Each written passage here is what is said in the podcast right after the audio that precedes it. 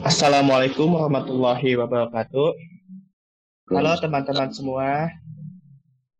Baik lagi di podcast Kakanda, program dari kelompok mahasiswa kedokteran hewan UNPAD, di mana di sini tempatnya kita berbincang tentang hal-hal seputar COVID-19 dari kacamata berbagai bidang profesi. Kali ini kita akan bahas topik tips, tips berbisnis di, ma di masa pandemi dari sudut pandang ekonomi. Sudah menemani saya di sini ada Bapak Deden Sutisna sebagai ahli bisnis manajemen.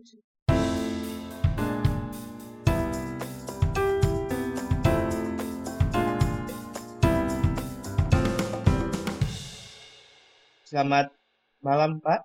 Selamat malam. Ya. Assalamualaikum. Waalaikumsalam. Untuk pertama-tama saya akan mengenalkan diri saya. Saya Fauzan Dapa Novisyah selaku kelompok dari KKNT Kakanda.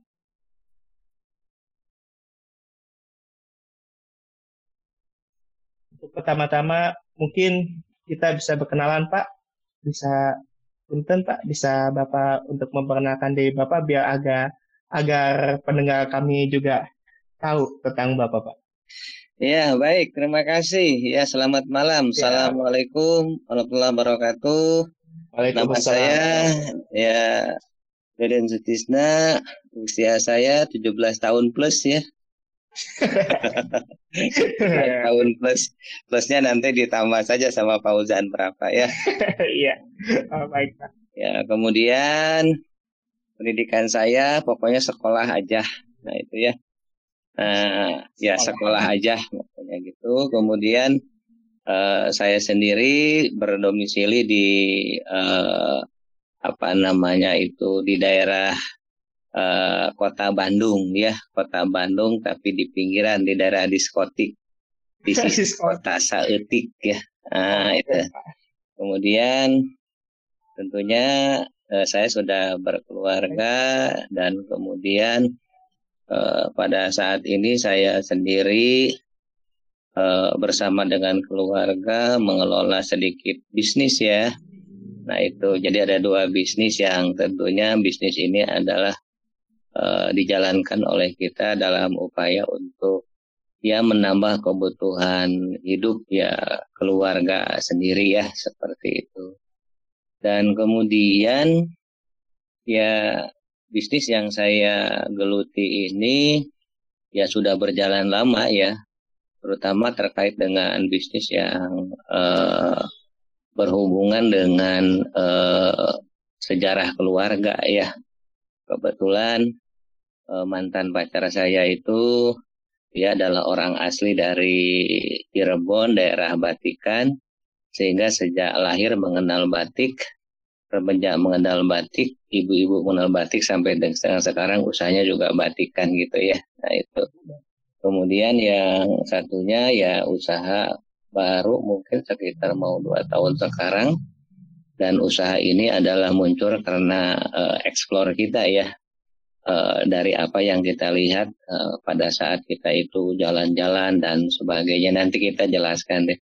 Nah sementara itu dan saya sendiri punya anak uh, tiga ya sudah gede-gede ya kemudian yang paling besar itu kebetulan ada di Taiwan ya dia sekolah di sana dan kemudian uh, S2 di sana dan tidak mau pulang karena katanya di Indonesia ini adalah tidak bisa menghargai uh, bangsanya sendiri katanya. Kata. Iya, yang baru katanya. Oke gitu ya Mas Fauzan. Iya, iya Pak.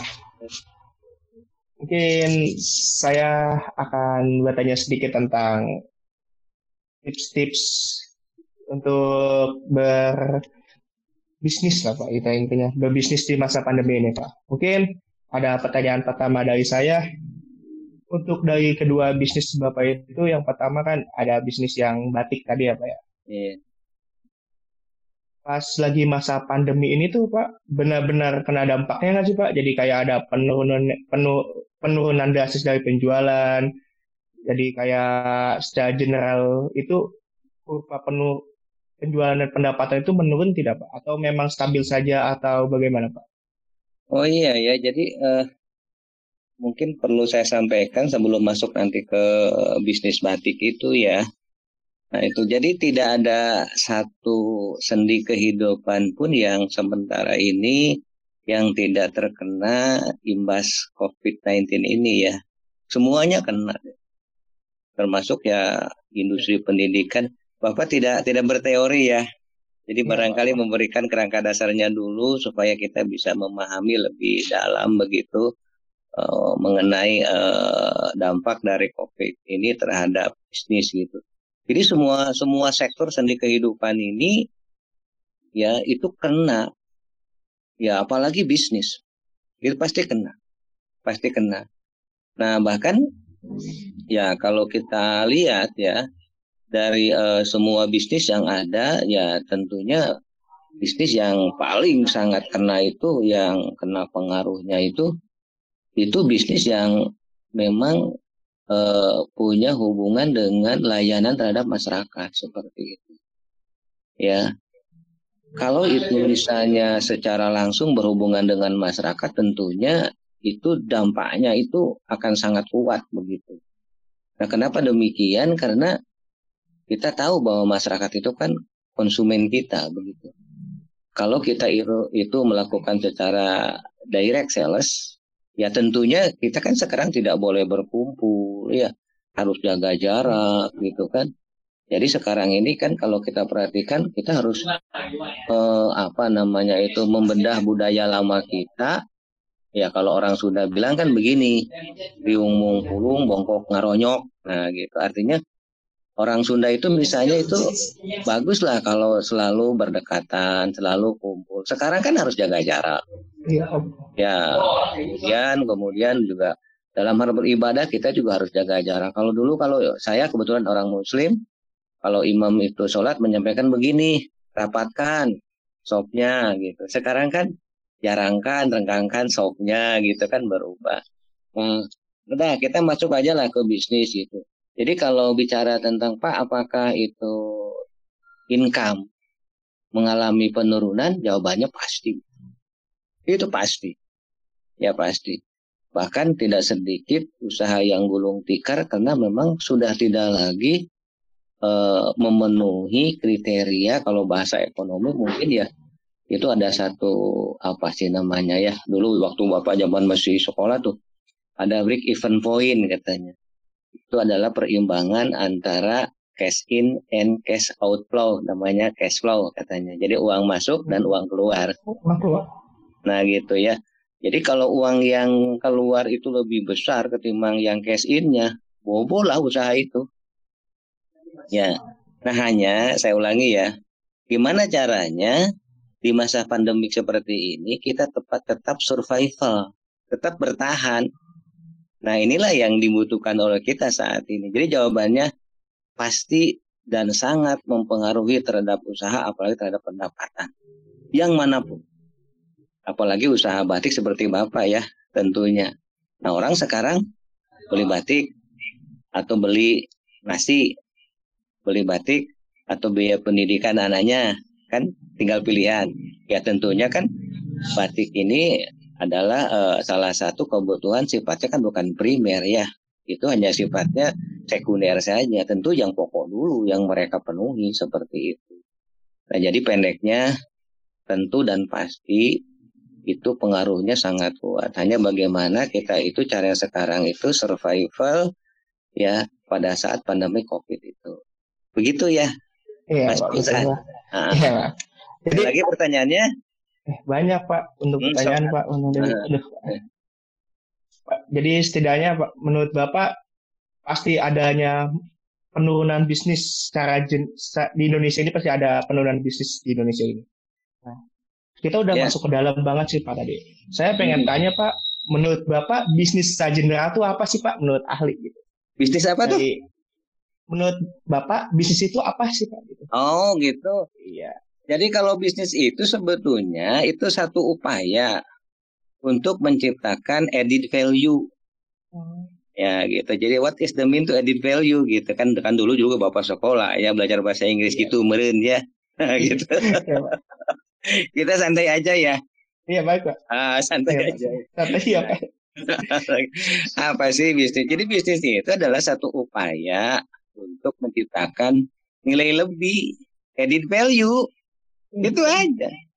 Jadi tidak disebut dengan bisnis kalau nggak ada nilai tambah. Ya bahasa ekonominya begini, kita beli 10, nah kemudian dijual 10, itu nggak bukan bisnis itu. Hmm. Apalagi beli 10 dijual misalnya 7, rugi dong tiga. Iya. Yang bisnis itu lah 10 kita beli, kemudian dijualnya 12. Nah, edit value-nya 2. Nah, itu bisnis Mas Fauzan. Iya, Ngerti ya? Iya, Pak ya. Oke, makanya hati-hati ya ada bisnis, nah kemudian ada sitko. Beda ya, ngerti ya? Iya. Ah, makanya upaya untuk menciptakan nilai lebih. Itu aja. Oke, apalagi? Berarti bisnis itu pada dasarnya gimana cara kita mendapatkan yang lebih dari suatu usaha kita kan Pak? Berarti betul, betul. Nah, kemudian bawa banyak sedikit awas nilai lebih itu tidak serta melulu dalam bentuk uang. Ada yang dalam bentuk non uang. Misalnya itu dalam bentuk layanan, dalam bentuk kepuasan sehingga nanti si konsumen atau orang lain memiliki high satisfaction gitu ya. Yeah. Nah gitu. Jadi kepuasan yang tinggi seperti itu. Ya, nah itu. Jadi itu kepanjangannya. Ya, apalagi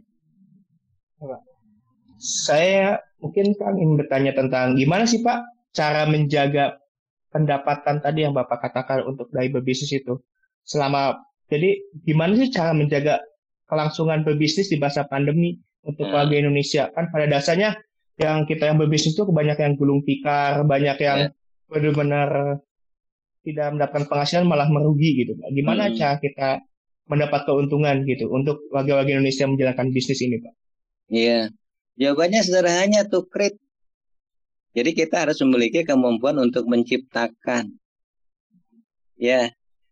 Jadi pada saat kita melakukan penjualan bisnis di di zaman itu normal ya pada saat COVID-19 itu tidak ada itu sangat berbeda dengan pada saat COVID-19 itu berjalan begitu.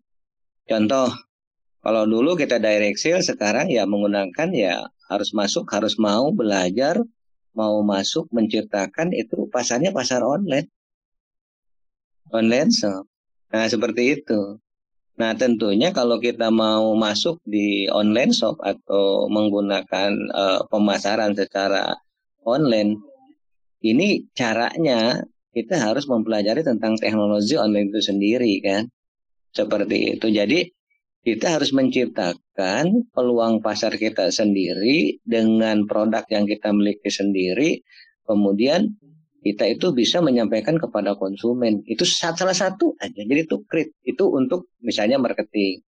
Yang kedua, ya, nah itu kita juga harus bisa menciptakan produk yang memang itu belum ada di masyarakat atau produk itu sudah ada di masyarakat tetapi tidak memiliki nilai jual yang tinggi.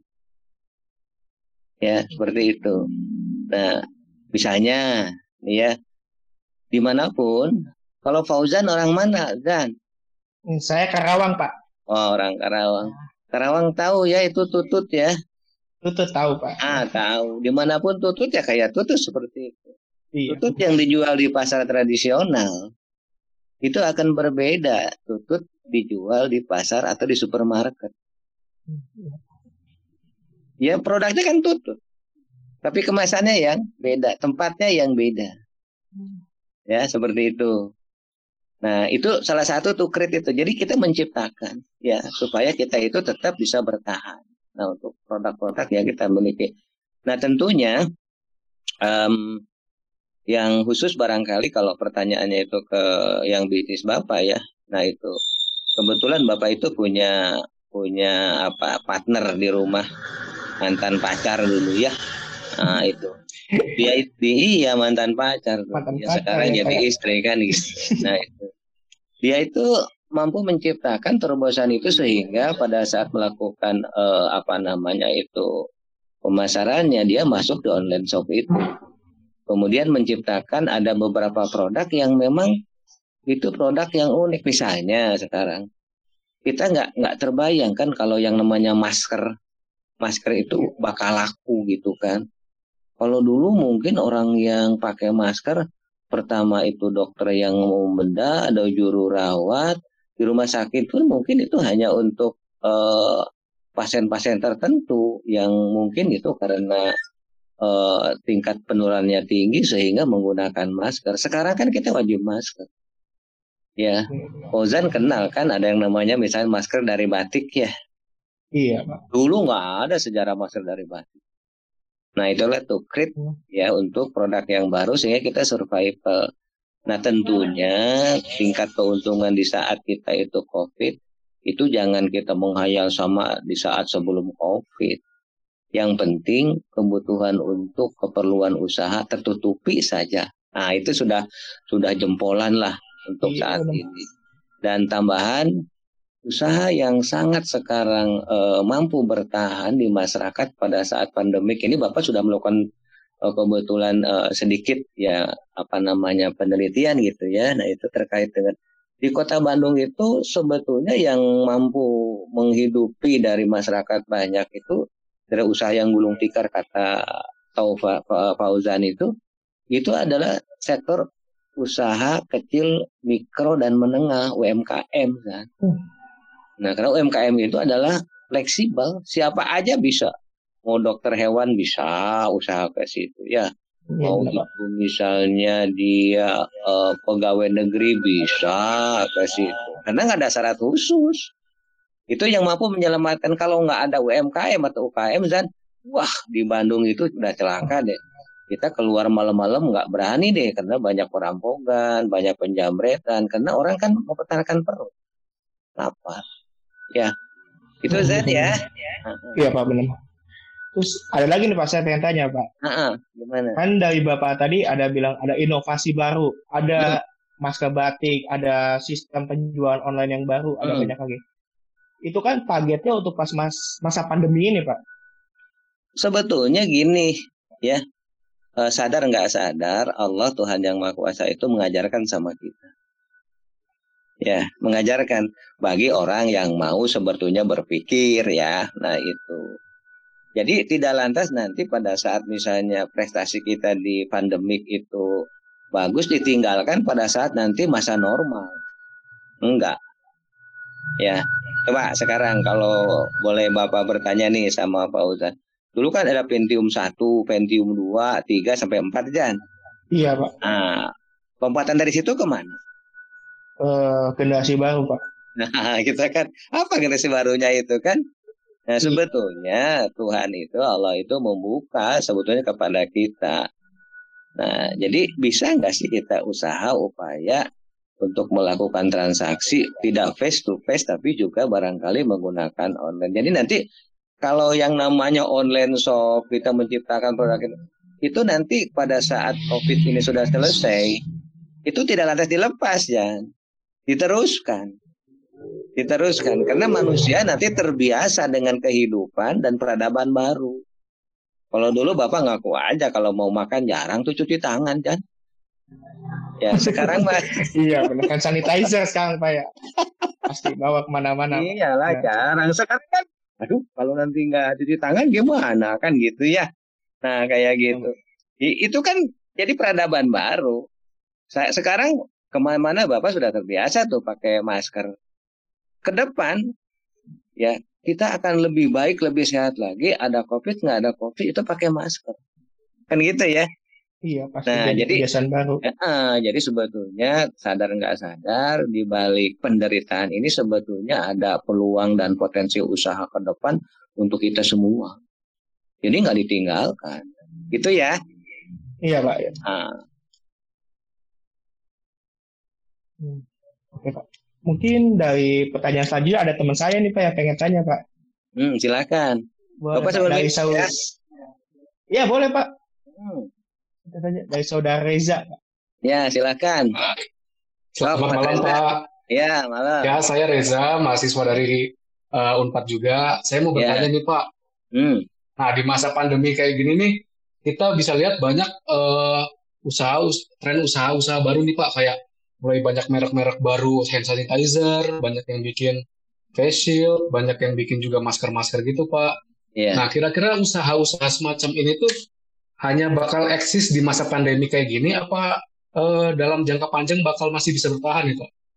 Kalau jawaban Bapak, jangkapannya akan bertahan. Karena itu akan mendampingi peradaban hidup baru kita. Gitu. Kalau misalnya eh, di peradaban hidup baru kita itu yang ke mana-mana cuci tangan, hand sanitizer, hand soap gitu kan.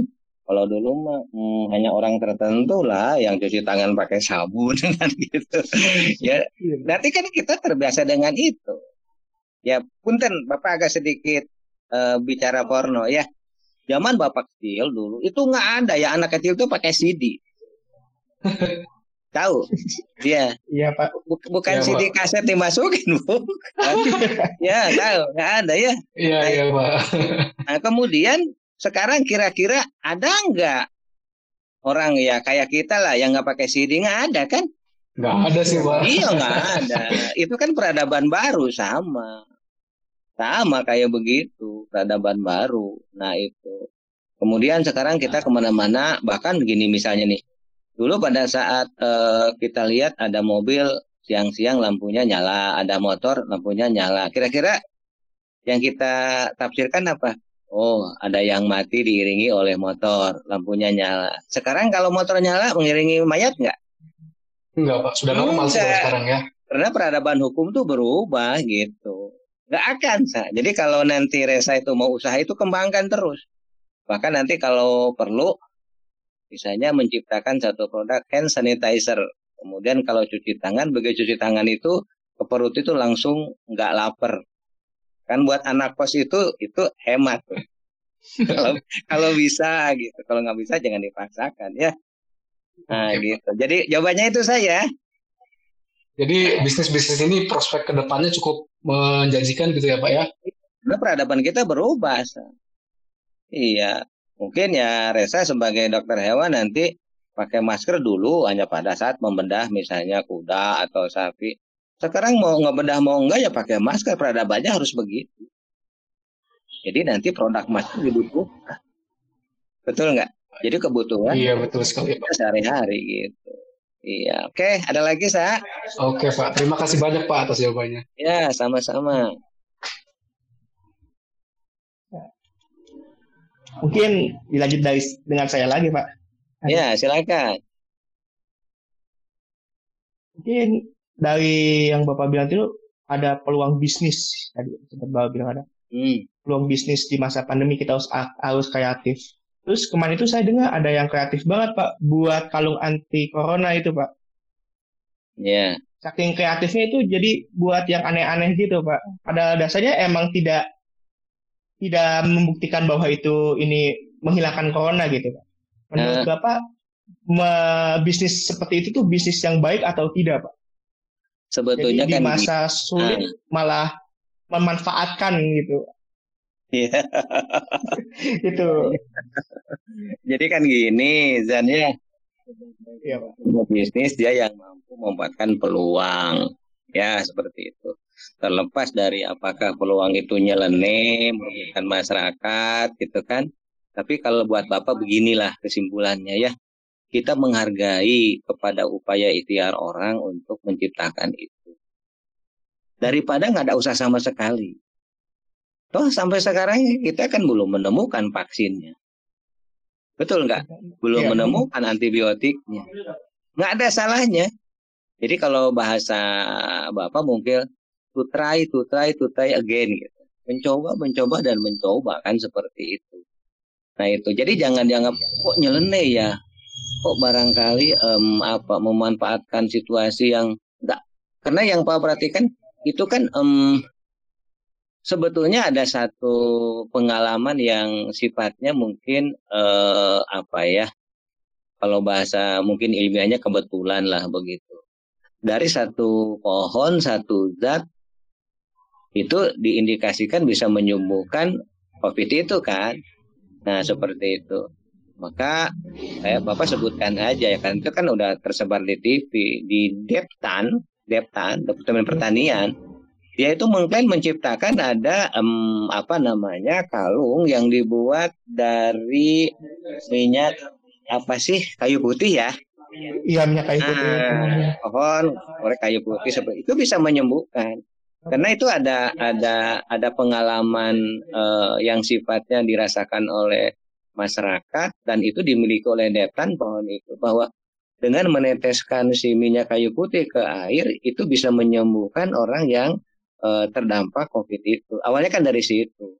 Orang menciptakan, menciptakan, menciptakan. Ya, kemudian pro dan kontra. Ya, kalau Bapak sih menyampaikan hargai itu upaya mereka. Kita percaya atau tidak percaya itu urusan kita. Kita kan semua barangkali pernah belajar, pernah membaca. Kalau memang itu eh, pendap, eh, menurut rasional kita itu bisa ada relevansinya, saya pikir ya silahkan kita beli. Tapi kalau wah ini mah jauh, nggak mungkin ada hubungan. Jangan dipaksakan dibeli, tapi hargai. Nah itu. Sekarang kan banyak misalnya ada kalung-kalung yang dibuat dari gitu kan batu iya. dari ini ini bisa menolak dan sebagainya sebetulnya sebelum munculnya covid itu teh sudah dijual banyak yang bisa nolak misalnya zat radikal dari luar kemudian bisa mengatur ritme jantung ya seperti itu kalau bapak sih sah-sah saja silakan itu kan main di dunia alternatif loh. Ya kalau memang itu di dunia yang sifatnya uh, apa namanya ilmiah ya kalian inilah yang di fakultas kedokteran yang harus berjibaku menciptakan ya itu. Ya apa antibiotiknya barangkali kemudian juga menciptakan ya hal-hal yang sifatnya itu bisa menghilangkan covid itu. Jadi kalau kata bapak silakan saja kalau bapak sih menganggap kalau bapak selalu positive thinking objektivitas tidak pernah subjektivitas kita yang menertawakan uh, hasil uh, kreativitas orang lain belum tentu kita bisa seperti mereka. Itu aja kalau bahasa Bapak. Oh, iya, Tinggal barangkali mau beli nggak beli terserah konsumen. Kan begitu. Ya, jadi percaya nggak percaya terserah ya believe or not ya please tinggal gitu aja. Gitu, gitu ya, dan Iya, Pak. Uh -uh. Tapi misalkan Pak, saya hmm. kan saya juga terdampak COVID-19 nih Pak. Kena kamu, ya. Ya, maksudnya daerah saya juga daerah rawan oh, gitu, Pak. Terus, Jadi kebanyakan panik semua gitu, Pak. Hmm. Panik, hmm. masker habis, semua ini habis. Saya mau beli anti corona anti coronaan itu gimana gimana taunya ada yang jual itu yang kalung itu sama ada hmm. juga masker masker tipis gitu pak jadi emang kalau mereka tuh nyari nyari peluang di sela-sela gitu buat bener-bener mencari gitu pak nah untuk itu ada undang-undang yang melindungi konsumen gak sih Pak? Untuk Ada kalau itu mah. Ya jadi nggak nggak bisa begitu juga dong ya si produsen juga harus punya tanggung jawabnya ya. Nah itu kalau masker hanya satu lapis kan minimal tiga lapis ya. Nah itu ya itu nggak bisa lah. Ya itu mah termasuk penipuan atau ya kalau udah masuk ke sana mah begitu. Dia kalau kata bahasa bapak mah ingin untung enteng ya. Nah gitu. Nggak bisa kalau gitu. Banyak Pak itu Pak. konsumen itu juga harus diberikan edukasi. Gitu. Pendidikan seperti itu. Jangan oh ini mau murah. Iya murah tapi memenuhi standar kesehatan enggak. Ya seperti itu. Dan tentunya ini adalah ada dua pihak nih yang tanggung jawab pertama tanggung jawab pemerintah untuk mengamankan memberikan edukasi terhadap orang-orang yang punya apa ya namanya moral obligation yang rendah lah gitu ya. Ya harus ada edukasi itu. Karena kan larinya ke penipuan. Nah itu. Yang kedua, ya kesadaran dari pribadi masyarakat itu sendiri individu coba tuh. Karena seorang pebisnis sejati bukan penipu. Dia ingin hidup dari bisnisnya, tidak hanya saat itu tapi hari ini, besok, minggu depan, bulan depan, tahun depan, dan tahun yang akan datang dari bisnis itu. Tapi kalau bisnis itu hanya sesaat, oh nggak bisa. Makanya harus dipahami bahwa bisnis itu sebetulnya butuh kesetiaan. Hanya orang-orang yang setialah yang akan mampu bertahan di bisnis. Begitu. Kalau misalnya tidak punya nilai itu, jangan jadi pebisnis. Jadinya pegawai. Nah, gitu iya, ya. Nah, lagi kan? Oke, Pak. Oke, Pak. Nah, lagi nih, Pak. Hmm. Mungkin pertanyaan yang ini gimana ya, Pak? Kayak sekarang kan PHK banyak banget pak. Saya kan Karawang jadi mayoritas di sini tuh karyawan pak di pabrik gitu karena banyak pabrik. Yang di PHK tuh banyak pak. Yang di PHK banyak pabrik-pabrik pada tutup lah. Walaupun sekarang mulai kembali lagi normal, tapi ada isu katanya pengen ditutup kembali. Jadi angka PHK itu tinggi banget pak di sini. Angka PHK tinggi. Mungkin bakal jatuh ke kriminalitas lama-lama mungkin. Nah, untuk Bapak itu ada nggak sih Pak tips berbisnis dari yang ekonominya dibilang menengah ke bawah untuk di masa pandemi ini, Pak? Uh, gini, kalau bicara tentang pemutusan hubungan kerja PHK, itu induknya ada di Undang-Undang Nomor 13 2003 ya. Itu di Undang-Undang Ketenagakerjaan.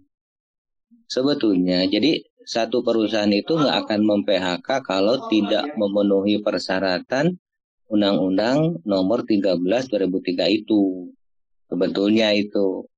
Ya, nah itu. Jadi ada hak, ada kewajiban dari pihak employee itu sendiri, pekerja itu sendiri sebetulnya. Jadi saat di PHK, ketentuannya harus seperti apa. Jadi tidak boleh mem-PHK itu sepihak. Ya, karena di kita itu ada tiga unsur yang menentukan yang pertama itu adalah pihak pemerintah diwakili oleh Depnaker.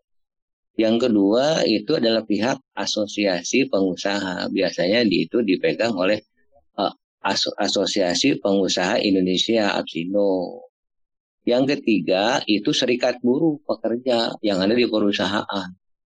Itu namanya tripartit. Jadi tri itu tiga, partit itu adalah partisipasi. Jadi keputusan PHK dan enggak ditentukan oleh tiga pihak itu sebetulnya. Wasitnya itu orang netral, yaitu biasanya dari perguruan tinggi seperti itu. Karena orang perguruan tinggi itu dia orang yang tidak punya uh, kepentingan apa-apa. Itu tentang PHK. Dan PHK ini adalah merupakan lagu wajib yang harus selalu diikuti oleh pemerintah. Karena tingginya PHK itu mengakibatkan instabilitas dari uh, apa namanya uh, apa namanya kehidupan masyarakat misalnya dari sisi keamanan kenyamanan itu pasti akan terganggu nah kemudian untuk golongan yang menengah ke bawah pada saat pandemi ini apa yang bisa dilakukan ya seperti itu nah tentunya begini tidak semua orang itu butuh bisnis. Nah, ya. Nah, itu. Jadi ada yang orang butuh bisnis pada saat dia terdesak kondisi ekonominya misalnya. Ada yang orang butuh bisnis karena memang apakah ekonominya terdesak atau tidak, terganggu atau tidak, dia itu adalah butuh akan bisnis itu. Seperti itu. Nah tentunya, nah bisnis mana yang akan dipilih? Kan bisnis itu ada beberapa syarat yang ditentukan. Ya, iya. misalnya modal yang dibutuhkan. Nah, jadi harus memilih nanti usaha atau bisnis apa yang kira-kira tercover oleh kapital yang ia miliki. Yang kedua tentunya harus memilih juga dia produknya tuh apa gitu yang akan dijual. Konsumennya ada enggak? Pasarnya ada enggak? Itu aja sebetulnya sederhana. Nah itu. Kalau dia punya modal, produknya bisa membuat, konsumennya sudah ada, baru munculnya how much price-nya itu berapa. Nah, jadi itulah kurang lebih ya nah, kontekstualnya. Jadi Bapak nggak bisa memberikan bisnisnya harus anu, enggak. Nah, lingkup bisnis yang memang ada di situ adanya di usaha kecil menengah itu, di UKM itu. Karena itu nggak perlu syarat. Dia mau insinyur, mau dokter, tamatan SD, SMP, SMA bisa masuk di situ. Silakan aja, hanya nanti Kalau UMKM itu yang misalnya oleh katakanlah dokter hewan, itu beda dengan tamatan SD. Tapi labelnya UMKM. Gitu ya. Jadi tergantung pada nanti misalnya kemudian produknya apa, kemudian ada nggak pasarnya. Tiga itu. Harganya berapa? Itu nomor sekian. Kalau yang tiga unsur tadi terpenuhi. Seperti itu. Nah, sekarang dari PHK hubungannya dengan uh, pemilihan usaha itu sebetulnya insting dari manusia untuk survival kan. Gitu. Misalnya ya, Fauzan memilih Bapak di Indonesia ini ada katakanlah 250 Fauzan. Juta ya. 50 iya. juta Fauzan. Memilih nih Pak Dede jadi presiden. Jadilah Bapak jadi presiden. Kira-kira Bapak mau nggak usaha bisnis gitu? Nggak akan, Zan. Uang Bapak tuh banyak gitu. Tapi begitu ya, Bapak nyalon jadi presiden, uang keluar, kalah jadi presiden, enggak. Survivalnya kan ke usaha ya, ke bisnis ya. Nah gitu ya, kurang lebih. Padahal saya ulangi, bisnis itu bukan pilihan karena terdesak. Karena aspek-aspek yang tadi seperti itu. Di kita tuh kalau sudah PHK, ini usaha apa? Nah, gitu. Darilah usaha itu namanya bisnis katanya begitu. Nah, kita kembali kepada base teori kita bahwa bisnis itu adalah to create value added, jadi menciptakan nilai tambah seperti itu. Kemudian bisnis itu juga tidak untuk hari ini saja seasonal, tapi juga untuk ke depan. Ya, seperti itu. Bahkan orang akan setia pada bisnis sekalipun dari tawarin apa pun. Mau nggak jadi anggota dewan? Enggak, saya mau cukup aja jualan di pasar. Kenapa? Hidup saya dari jualan di pasar. Itu bisnis sejati loh. Iya, Itu. Jadi bukan karena misalnya dia itu terdesak baru pebisnis. Nggak dilarang, nggak diharamkan silahkan. Hmm. Tapi itu bukan pebisnis. Ya, kalau dia mau petualang bisnis namanya. Betul nggak? Iya, nah, gitu ya, Jan ya. ya. Apalagi? Ini mungkin Pak ada yang ingin bertanya Pak dari teman saya lagi Pak. Nah, silakan. Saudara Nopal, boleh? Ya. Selamat malam Pak. Malam. Nama saya Nopal Putra yang merupakan merupakan anggota dari kelompok KKN juga. Mm. Ya izin tanya, uh, dari tadi sudah diomongin mengenai uh, usaha-usaha kecil, menengah. Nah kali ini saya ingin bertanya uh, mengenai usaha yang ada di mall-mall gitu Pak. Yeah. Jadi kabar-kabar hari ini didengar yang lagi hangat diperbincangkan pertanggal 14 September kemungkinan ada PSBB kembali di DKI Pak. Yeah. Nah seperti yang diketahui uh, ekonomi di, di, di DKI itu merupakan pusatnya gitu. Jadi kalau misalkan di situ menurun akan berdampak ke mana-mana. Nah saya minta pendapat dari Bapak mengenai apakah perlu PSBB di, diperlakukan lagi khususnya di kota DKI ini Pak? Bagaimana dampaknya kepada ekonomi Indonesia? Terima kasih Pak. Ya, terima kasih Noval ya. Nah jadi gini, apa boleh gitu Bapak jawab ya? Pebisnis jawab itu, tapi coba aja ya. Sedih panen aja. Nah, jadi ada dua sisi yang harus kita perhatikan. Ini juga pilihan gandrung dari pemerintah yang saat ini tuh kita belum bisa mengatakan tepat atau tidak, salah atau benar begitu. Apakah sisi ekonomi dulu yang diperbaiki atau sisi kesehatan dulu yang diperbaiki gitu. Nah, kalau sisi ekonomi diperbaiki, contohnya sekarang ini Pak, kita kan masuk pada eh, apa namanya itu adaptasi kehidupan baru AKB ya. Nah, nah disangkanya orang itu dengan AKB itu boleh pakai masker, kehidupan euforia, kemudian juga bebas dengan sebebas-bebasnya, ekonomi memang tumbuh berkembang. Tapi yang kena dampak itu juga tinggi gitu. Seperti itu. Ya. Kemudian sekarang Pak bagaimana kalau PSBB ini diterapkan lagi gitu. Ya, terapkan lagi. PSBB akan turun. Tapi ekonomi juga nanti akan turun. Seperti itu. Jadi kalau kata Bapak sih menyampaikan dua sisi itu bagaikan ya buah si malakama gitu. Ya, jadi kalau dimakan itu mati bapak, kalau nggak dimakan mati ibu. Makanya buah si malakama jangan dimakan, dijual aja. Gitu. gitu ya jawabannya nanti kalau ada dosen di kelas yang ngajar ini buah si malakama jadi jangan jadi jadi beresiko dijual aja buat makan jangan dimakan ya Nah itu kalau dimakan mati bapak, kalau dimakan mati ibu dijual aja lah. Ya, jadi korban gak korban. Nah, jadi, nah sekarang novel mau pilih yang mana nih? Sisi mana? Karena kalau misalnya untuk uh, kita apa namanya itu mampu bertahan hidup, kita harus punya uang ekonomi. Tapi kalau kita itu misalnya ekonomi itu apa kesehatannya ditingkatkan oleh kita, PSBB juga diperketat, ekonominya turun.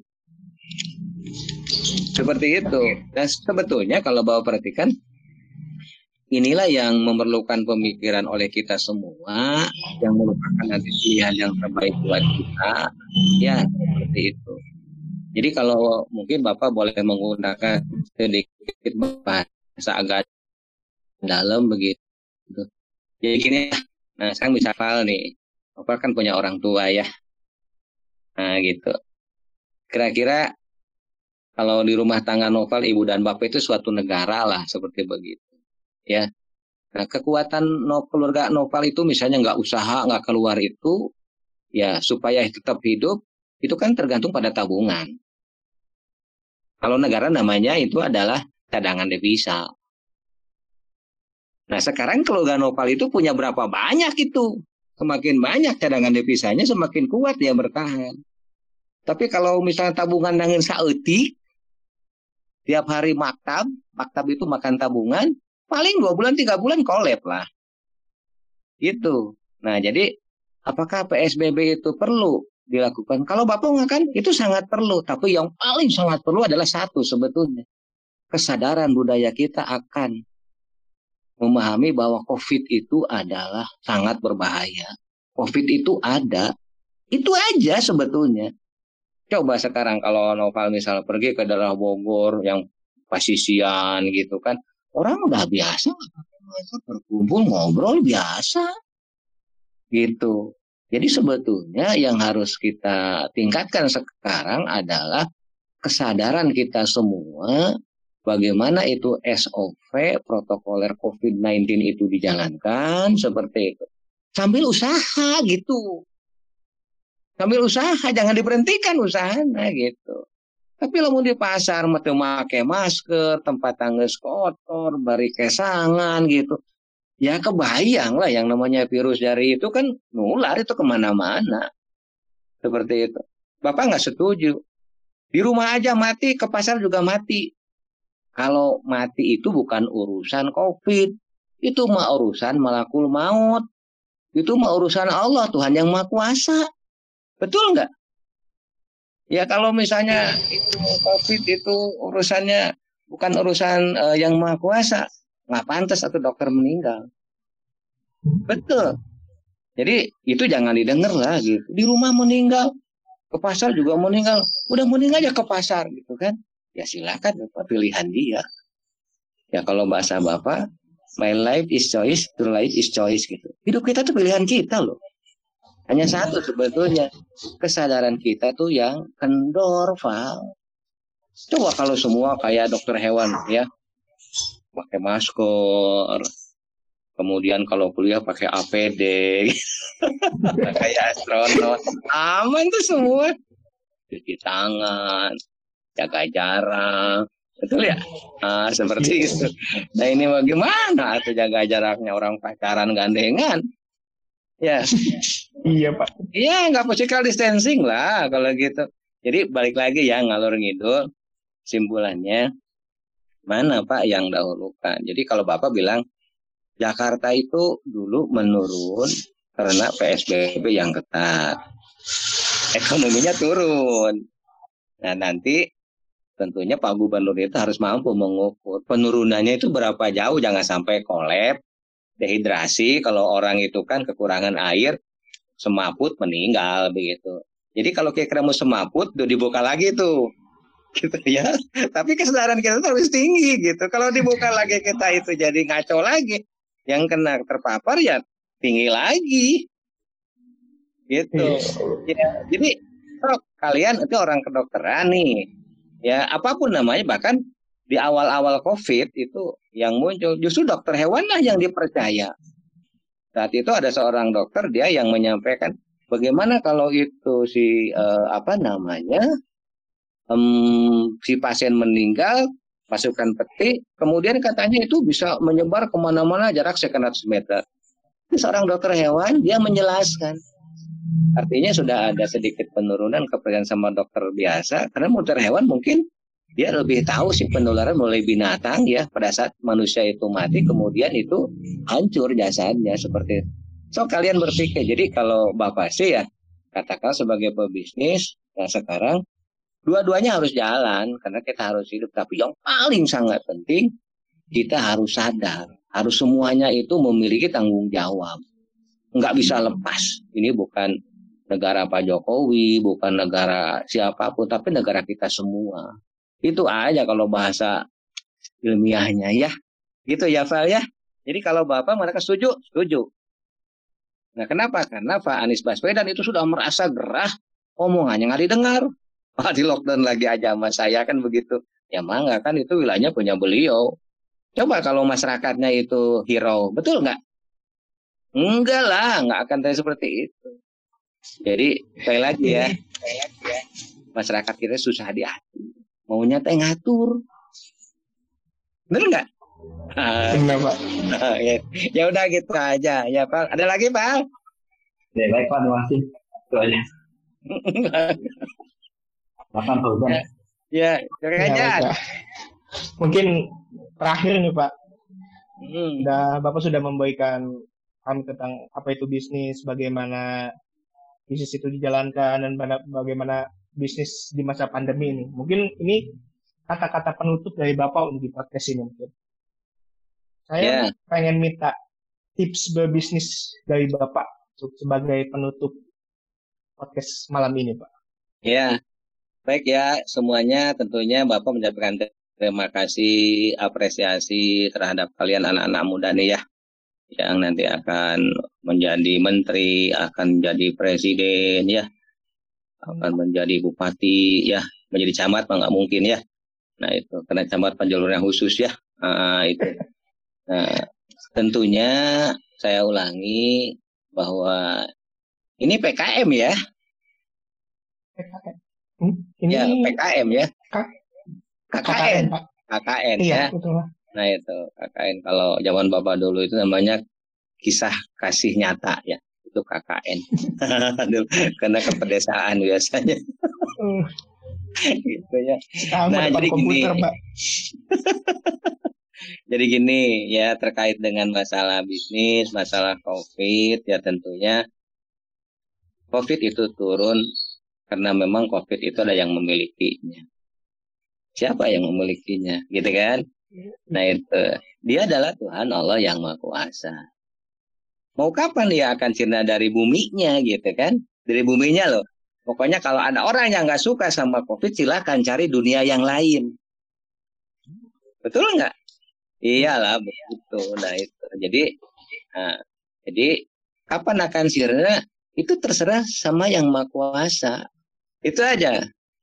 Karena ini semuanya adalah kan COVID itu juga virusnya kan makhluk sama dengan kita. Ya.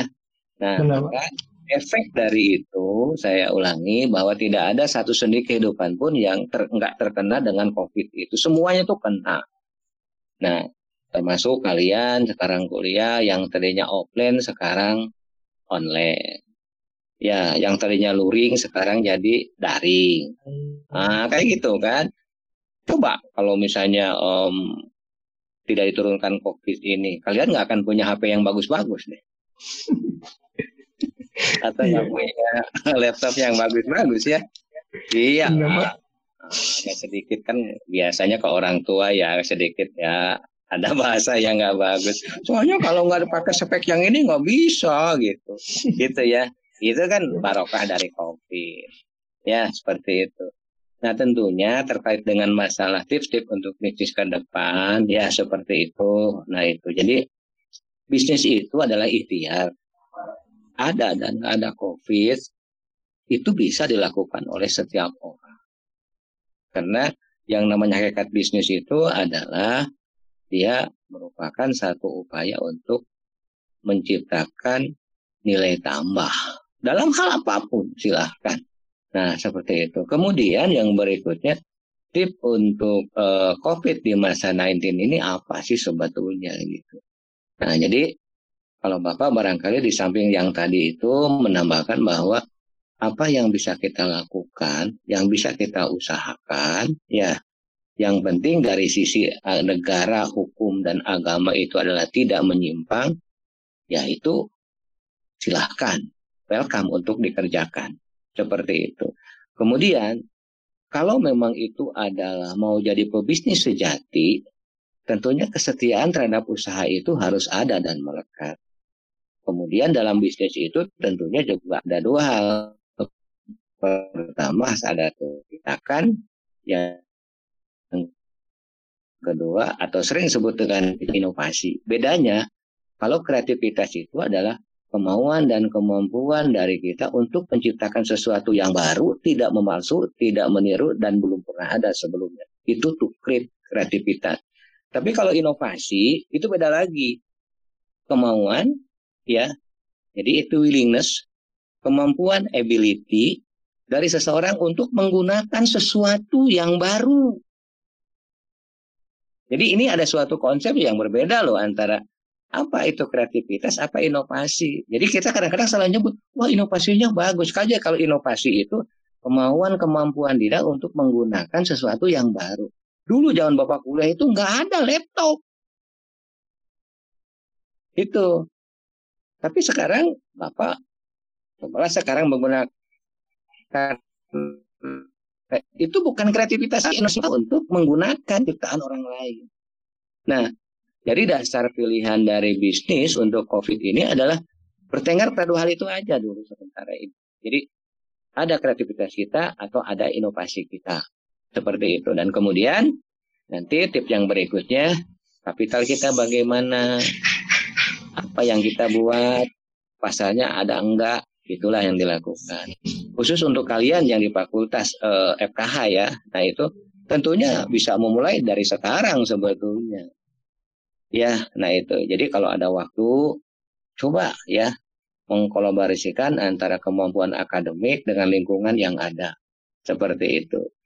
Ya, Bapak punya usaha dikit itu untuk uh, apa namanya uh, gula semut aren itu bukan diciptakan oleh Bapak karena itu kemampuan dari apa yang kita lihat pada saat kita itu jalan-jalan melihat orang sehingga timbullah uh, hasrat naluri bisnisnya gitu.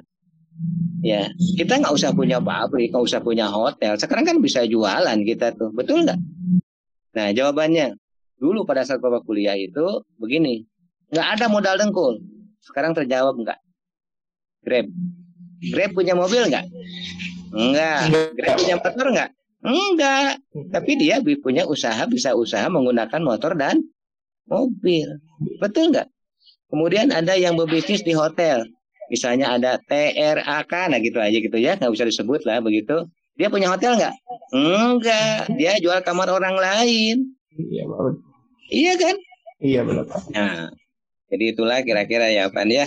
Jadi tip-tipnya itu pada saat COVID-19 ini ya mudah-mudahan nanti uh, kalian juga bukan hanya menjadi dokter hewan tetapi dokter hewan juga sebagai pebisnis. Banyak kok peluang-peluangnya. Ya, seperti iya. itu. Oke, jadi terakhir kalau ada hal yang tidak berkenan dari Bapak mohon dimaafkan ya. Karena iya. terus saja barangkali kan kalau Bapak kalaupun kuliah kuliah zaman bahula. Kalau kalian kan zaman milenial, milenial, kalau Bapak zaman kolonial. Nah, itu bedanya kan di situ. Ya, nah itu. Iya. Itu san ya. Iya, Salam buat semuanya, sukses semuanya ya. Ada hal lain, mangga silahkan kita bisa diskus lagi ya. Iya Pak. Oke. Saya kembalikan pada Pak Uzan. Oke Pak. Mungkin kita sudah di akhir acara. saya akan membacakan kesimpulan dari podcast kali ini. Bisnis adalah bagaimana kita mendapatkan nilai tambah dengan cara kreativitas dan inovasi baru. Sehingga menyesuaikan kondisi dengan eranya. Pembisnis sejati ada pembisnis yang jujur dan berani menajam pasar dalam kondisi apa pun.